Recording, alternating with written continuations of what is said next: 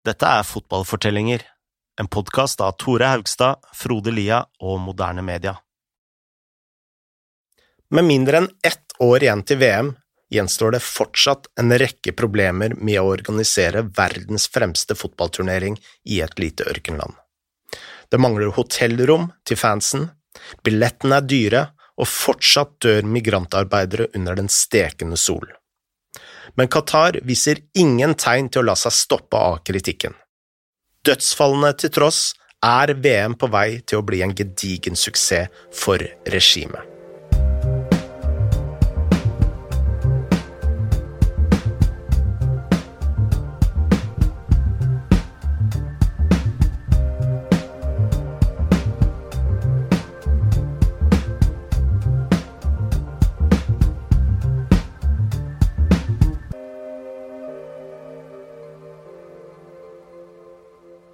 Det sier litt om PR-maskineriet til Qatar at en eh, turnering som har kostet mer enn 15 000 menneskeliv, kan eh, betegnes som en suksess. Vi skal komme tilbake til akkurat eh, dette her, men først gir det mening å ta med hvordan turneringen faktisk vil bli for de som reiser dit. Med rundt ti måneder igjen til avspark vet vi en del om akkurat det. Ja, engelsk presse har skrevet en del om forholdene der allerede, og da spesielt med tanke på at flere engelskmenn helt sikkert kommer til å reise ned der. Og eh, Spesielt to rapporter i The Daily Mail i november og desember har retta lyset mot forholdene i Qatar. Og så klart, det vil jo se flott ut. Du vil ha skyskapere som glinser og en helt ny T-bane og alt det her.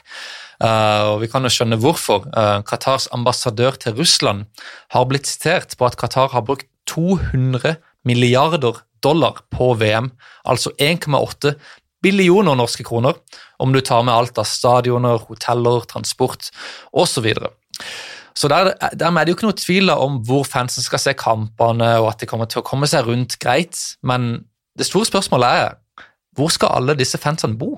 Ja, for Estimatene på hvor mange fotballfans som vil reise til Qatar, ligger på mellom 1 til 1,5 million. Akkurat nå teller eh, hotellrommene i Qatar 135 000 sengeplasser. Det betyr at eh, rundt 1 million mennesker eh, trenger et sted å sove, så for å forberede situasjonen har Qatar inngått en avtale med et sveitsisk selskap om å låne to digre cruiseskip som skal eh, kaste anker like ved kysten. Disse skal eh, tilby 4000 ekstra rom og små bussbåter som skal frakte fansen til og fra land. Utover det håper Qatar at privatpersoner skal åpne sine hjem for fansen, men heller ikke det blir i nærheten av å være nok sengeplasser. Uh, så en stor mulighet her er faktisk at fans kan leie eller booke hotellrom i Saudi-Arabia eller Emiratene, og så reise inn til å se kampene i Qatar.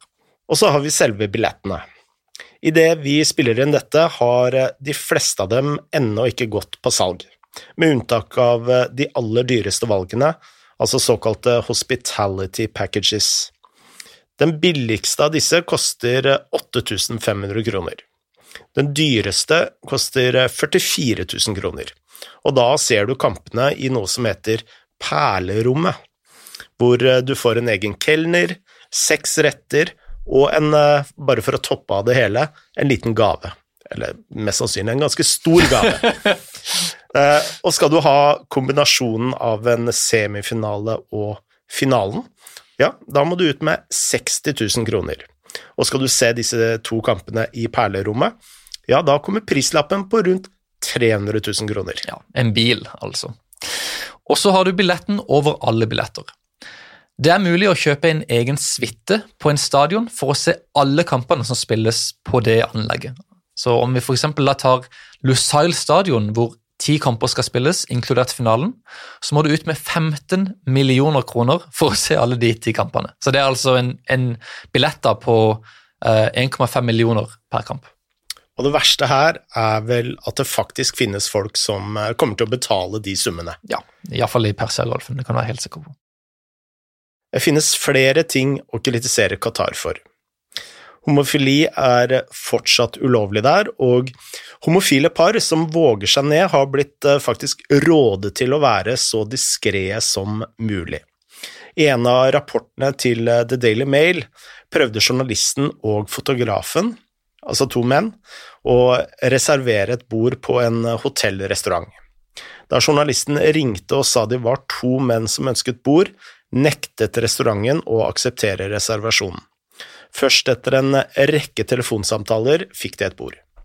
Det er viktig å legge til her at ikke hele Qatars befolkning er som dette. Da vi spurte Nicholas McGeehan om hva han mente var den største misforståelsen med Qatar, så svarte han at det var en fare for å skjære alle over en kam. Han sa at det finnes flere progressive og liberale mennesker i Qatar, og at det er selve regimet som står bak så mange av disse problemene. Dessverre ser dette regimet ut til å sikre seg en stor PR-seier med VM. Dette høres eh, kanskje veldig rart ut, for i løpet av denne sesongen har vi ramset opp en lang liste med ulike forbrytelser som Qatar har gjort. Vi har nevnt eh, korrupsjonen, manipulasjonen, slaveri og mye annet. I ti år har vi lest artikler og sett dokumentarer om det forferdelige kafala-systemet. I enkelte deler av verden har eh, Qatar først og fremst blitt kjent for å føre migrantarbeidere til døden. Og så er det spillere som finlandskaptein Tim Sparv og Danmarks midtbanespiller Thomas Delaney som har sagt rett ut at det å holde VM i Qatar er en helt forferdelig idé. Uh, Tim Sparv hadde jo også en lang sak i The Players Tribune hvor han liksom satte spørsmålstegn ved hvorfor Fifa skulle fungere som det gjør, og hvorvidt det var riktig for spillere å spille der, og alle disse etiske og moralske problemene som disse spillerne uh, må deale med, siden de skal ned der og liksom være det offentlige fjeset for mesterskapet. Uh, så dette er jo også dårlig PR for Qatar, og dermed skulle man tro at Qatar kanskje på en måte har tabba seg ut ved å organisere VM. Altså, de har gjort hele verden oppmerksomme på alle disse problemene de har med migrantarbeidere og eh, lite demokrati og alt dette her. Så vi spurte McGean om dette. Altså, Har VM vært et selvmål for Qatar, eller er all denne kritikken kun en, en ripe i lakken? Well, sadly, I think it's more the latter. I think I'm more, you, you but a lot of that criticism is um, has been confined to the types of publications that that that, cover that are left leaning or liberal. I would say. Um, yes, there's there has been other exposés and in other sort of publications, and this stuff has been quite damaging to to an extent. But I think um, for every for every negative story, there are ten PR puff pieces which are talking about how amazing Qatar is. Um, you know, you have the world's football uh, players lining up to to sort of, um, or some of them anyway, at any rate, uh, lining up to put themselves under um, PSG jerseys and, and, such. So I think the the positive um, dimensions of this from a public relations perspective probably significantly outweigh the negative ones. That said, I think I think they they, they do feel that the a lot of the attention has been quite damaging, um, and I think it is certainly true that this issue is now something that everybody knows something about um, or lots of people, lots more people know something about. Um, so, so in that sense, I think um, it's not it's not quite as cut and dried as um, you know they've had they've had. Uh, you know, all the positive stuff completely outweighs the negative stuff. I think the negative stuff has had consequences for them. Yeah. Som Nicholas sier, er det ingen tvil om at Qatar lar seg påvirke av negativ presse. Og det er ganske skremmende hvor langt de har gått for å sørge for at verden ser de i et positivt lys. En smakebit på dette kom i november, da The Associated Press, eller AP, publiserte en stor etterforskning som forklarte hvordan Qatar hadde hyra inn en tidligere CIA-agent. Han skulle drive med spionasje av Qatars rivaler og sabotering av regimets kritikere. Og denne agenten het eh, Kevin Shalker og var en eh, såkalt operation officer i CIA i fem år, hvor han eh, jobbet undercover for å finne folk som kunne spionere på vegne av USA. Akkurat som man ser på filmene, Tore. Mm. Og Qatar eh, samarbeidet med ham i forkant av eh, VM-avstemningen i 2010, og de fikk han til å koordinere spionasjen på de andre nasjonene som eh, ville ha VM, samt viktige direktører i Fifa. Ved én anledning plasserte de spioner som poserte som fotografer. Etter at de fikk VM, fortsatte Chalker å jobbe for Qatar. Ap har dokumentasjon på hvordan Chalker beskrev sine metoder. Eh, Han snakka altså om psykologiske operasjoner pluss vedvarende og aggressive distraksjoner og forstyrrelser retta mot Qatars fiender. Så det er altså på dette nivået at Qatars PR-maskin opererer. Det må jo være veldig flaut uh, for en tidligere CIA Operation Officer å bli avslørt på denne måten av uh, Ap. Ja, det kan du si. Samtidig har Qatar koordinert en mer synlig PR-kampanje. De har sikret seg en rekke tidligere spillere som skal være offisielle ambassadører for VM. Blant disse finner vi Team Cahill, som jobber i Aspire-akademiet, som vi tidligere har snakka om. Vi eh, finner Peter Schmeichel, som eh, sikkert veldig mange har fått med seg, eh, med tanke på de Han blei jo stilt til veks av den svenske journalisten Olaf Lund, og det var jo bilder som gikk om ikke verden rundt, i hvert fall Skandinavia rundt. Ja, Han, han nekta å svare på spørsmålet. Riktig. Ja. Og det blei en litt sånn pinlig affære. I tillegg så har du jo Samuel Eto'o, eh, Savi, eh, Kafu, Ronald de Boer. Eh, men toppen av kransekaka er da selvsagt David Beckham, som er jo et stort ikon eh, også utenfor eh, fotballen, som eh, alle sikkert veit. Som antas å få rundt 150 millioner kroner i året. Han var også på Qatar sitt eh, Formel 1 Grand Prix i november, eh, så han har en, litt større rolle også for Qatar sånn generelt. Og for de som kanskje lot seg overraske at Beckham liksom solgte seg selv på denne måten, så må vi også huske at han spilte for PSG eh, da Qatar, etter at Qatar hadde kjøpt klubben. Så han kjenner jo allerede Nasser Al-Khalafi, og visstnok kjenner han også selveste emiren av Qatar. I tillegg eh, til dette har eh, Qatar fått et knippe lokale ambassadører.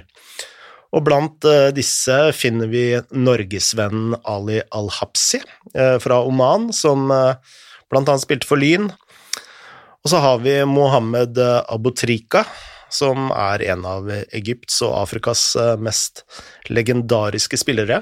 Mm, så de har liksom en global dimensjon og en sånn uh, arabisk, eh, mer sånn regional dimensjon her. Um, og så kan vi jo selvfølgelig også kaste med hele PSG-laget på lasset. Neymar er jo med i en reklame om Qatars nasjonalbank. Robert Lewandowski, uh, som spiller i Bayern og som har Qatar som en av hovedsponsorene, han brukes i en av Qatar Airways sine videoer. Og så har vi jo allerede nevnt denne turneen som PSG skal spille denne måneden, eh, og som faktisk starter i Doha nå allerede på søndag.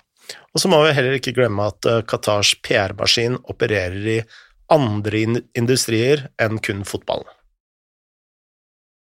They finance um, stuff so well. I mean, the number of like influencers, for example, in terms of music and football, who are going out to Qatar right now and who are engaging in public relations in a way that people like me and you don't see. I'm completely, this stuff has been pointed out to me by, for want of a better word, young people who've come up and said, Have you noticed that all the grime artists are in Qatar? And I'm like, Who? What? What are you talking about? There is this parallel public relations initiative going on that we know nothing about. So we're fighting one battle uh, semi effectively and, and, and they're engaged in all these other reams of, of, you know sort of parallel PR initiatives that we don't, we're not even in the fight on those ones. We're not even engaging in those ones. Med andre ord er det veldig vanskelig å vinne PR-krigen mot Qatar. Men en kamp som ikke er helt håpløs, og som iallfall ikke må gis opp, er den om bedre rettigheter for migrantarbeiderne, som hele denne saken i bunn og grunn handler om. Uh, og dette er en kamp som egentlig er langt større enn selve dette mesterskapet. Ja, for det er jo lett å tro at disse arbeiderne tusler hjemover så fort arenaene er klare, men uh, dette er ikke sant i det hele tatt. Vi spurte Niklas om hva han tror vil skje med arbeiderne når VM er over. I think many of them will continue working there. I don't think. I don't think. Um, I mean, look at the UAE, look at Saudi, look at Oman, look at Kuwait, look at Bahrain. I mean, you've basically got the same system there. You just don't have the spotlight of the World Cup shining a light on what's happening there. I mean, they're still there. Um, there may not be quite as many, um, but but yeah, I mean, I uh, there there will continue to be millions of low-paid migrant workers in Qatar after the tournament. What we won't have is is we won't have the spotlight. Um, there's a, you know it's interesting. You you have um, you have cases pop up from time to time about people that are in trouble in Qatar, um, and when these arise now, you know what you can say to to people associated uh, with them or to the people themselves is, look, you know, there's a good chance this will work out okay because you know we've got this really strong spotlight on Qatar, and and they can't afford to to look bad on this issue. Um, as soon as the first ball is kicked or the last ball is kicked, whatever, we won't be making that argument to people um, because the spotlight will be gone. Dette fører fort til spørsmålet om hvorvidt all kritikken av Qatar og alt presset som har blitt lagt på staten, har vært forgjeves. Vi vet at VM blir en stor PR-triumf for Qatar, det virker nesten uunngåelig nå. Vi vet at de har endra flere lover, men at rettighetene til migrantarbeiderne omtrent er like fraværende nå som de var helt i starten. Og dette til tross for ti år med oppmerksomhet fra media i Vesten. Det føles definitivt som at det nesten er umulig å gjøre reelle forbedringer i Qatar. Så hvor mye kritikk må egentlig rettes mot Qatar for at noe faktisk skal endre seg? Hva er løsningen på problemene til migrantarbeiderne? Like th- there is a question to be asked about how much how much finger wagging from the West is going to be effective uh, in the long term, and that's a, that's a legitimate thing to be saying. Is it you know again put yourself in the feet of of ordinary Qataris who see their country you know and its reputation dragged through the mud by a series of Western and white Western institutions. That probably rankles, and you can understand that. Um, so um, I'm not sure that that approach on its own is ever going to be effective. Um, I would say that I think the World Cup is an exceptional opportunity um, to force through change, perhaps um, change that that that many Qataris don't necessarily want. Um, but yeah, I would say that if the if the pressure was significant enough from uh, from FIFA, let's say, or from the footballing community. Um, and if the threats were such that Qatar was at risk of, you know, not being able to host the tournament or going elsewhere, then that is something that might potentially um, potentially change things. Um, but that's in the, that's that's in the short term, right? You're asking about the short term. The long term, I think, change probably has to come from within. Uh, and if any countries have the ability to force change, it's probably the, the countries that the migrant workers come from. They tend to be absent from this debate. Um, but it's probably India and Pakistan and Bangladesh and Sri Lanka. Uh, I think in the long term, which are going to have to stand up for their nationals and say, you know, enough is enough, and, and you know we demand better. Um, there are long and complex reasons as to why that hasn't happened. Um, but yeah, in the long term, I think it comes from there. In the short term, um, yeah, I think significant pressure on Qatar might might force them to move on certain things. But again, is is what they do in the short term going to be sustainable? Or is it going to be some sort of attention grabbing initiative that will placate critics? Um, so I think when historians look back at this issue, I think they'll see that the World Cup is a very important event and something that was in some ways transformative. But I don't think it's going to get us to where we we need to be. You know, I don't think the World Cup in and of its own is going to lead to an equitable labour system being in, in place in Qatar or to a system whereby workers are effectively protected from, from risk to their health and from dying.